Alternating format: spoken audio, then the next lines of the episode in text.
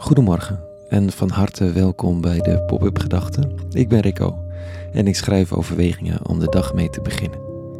Vandaag met de titel Een lege doos. Pop-up Gedachten maandag 5 februari 2024.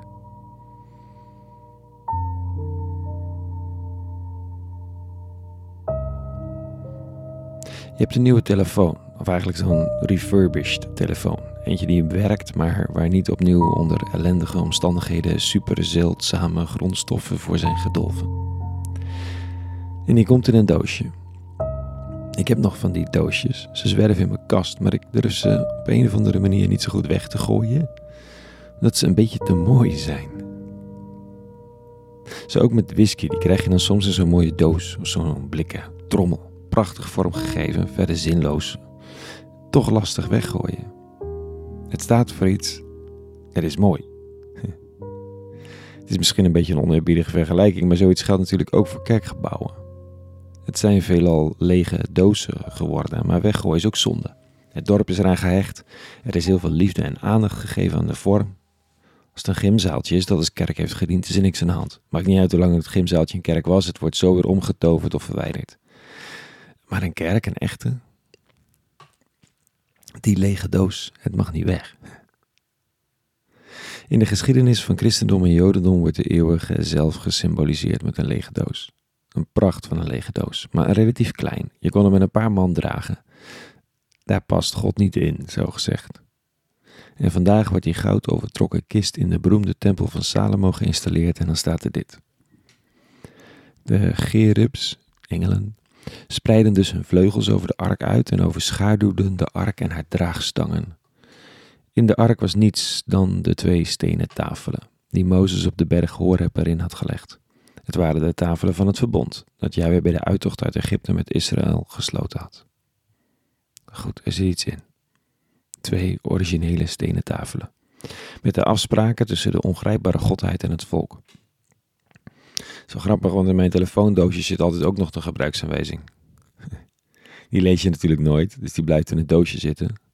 Wat hem niet minder leeg maakt, maar de leegte eerder benadrukt. Zo van hier zat zeker degelijk wel een telefoon in. In het hart van de spiritualiteit van het Joodse volk staat een lege doos. Geen godsbeeld. Ook niet geen godsbeeld. Maar een lege doos. Iets wat naar de volkomen ongrijpbaarheid verwijst van deze godheid. Een leeg kerkgebouw is nog steeds een kerkgebouw. Het maakt niet eens uit wat er binnen gebeurt. Zelfs al leg je er een skatebaan in of je stelt te fietsen in, de gevel is vaak al genoeg. Er moet een herinnering zijn. En voor sommigen is het droefheid misschien dat het niet meer bruist of de devotie niet meer zondag in zondag uit wordt beleden, maar voor de rest van het dorp is het ondenkbaar dat die lege dozen niet zo zijn. De herinnering die op gevoelsniveau een herinnering brengt. Wat doet dit mij vanochtend? Als ik een kaarsje aansteek en de teksten bestudeer. Ik kan geen lege dozen vullen. Ik kan God niet grijpen naar de aarde trekken. Ik kan niet uitleggen wat God is. Aan mezelf niet. En al helemaal niet aan jou. Ik kan niet eens zeggen waar God is behalve in de meest algemene termen. Ik kan soms een poging doen om in de naam van God me ergens woedend over te maken. En dat is mogelijk terecht. Maar helemaal zeker weten doe ik het niet, want de doos is leeg. De fles is weg, de telefoon is al lang in gebruik en zwerft ergens. Gaat over van de ene hand in de andere.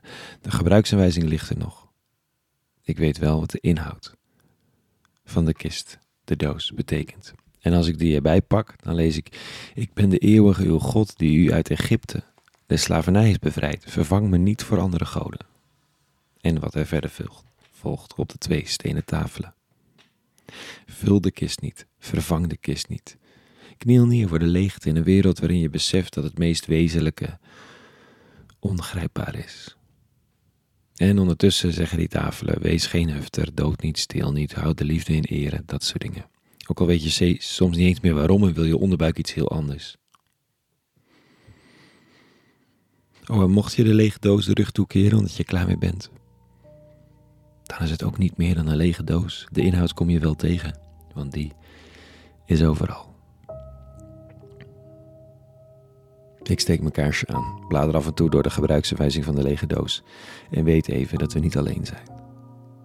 Niet helemaal, niet. Ten diepste.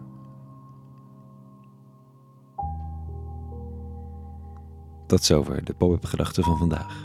Een hele goede maandag gewenst. En vrede. En alle goeds.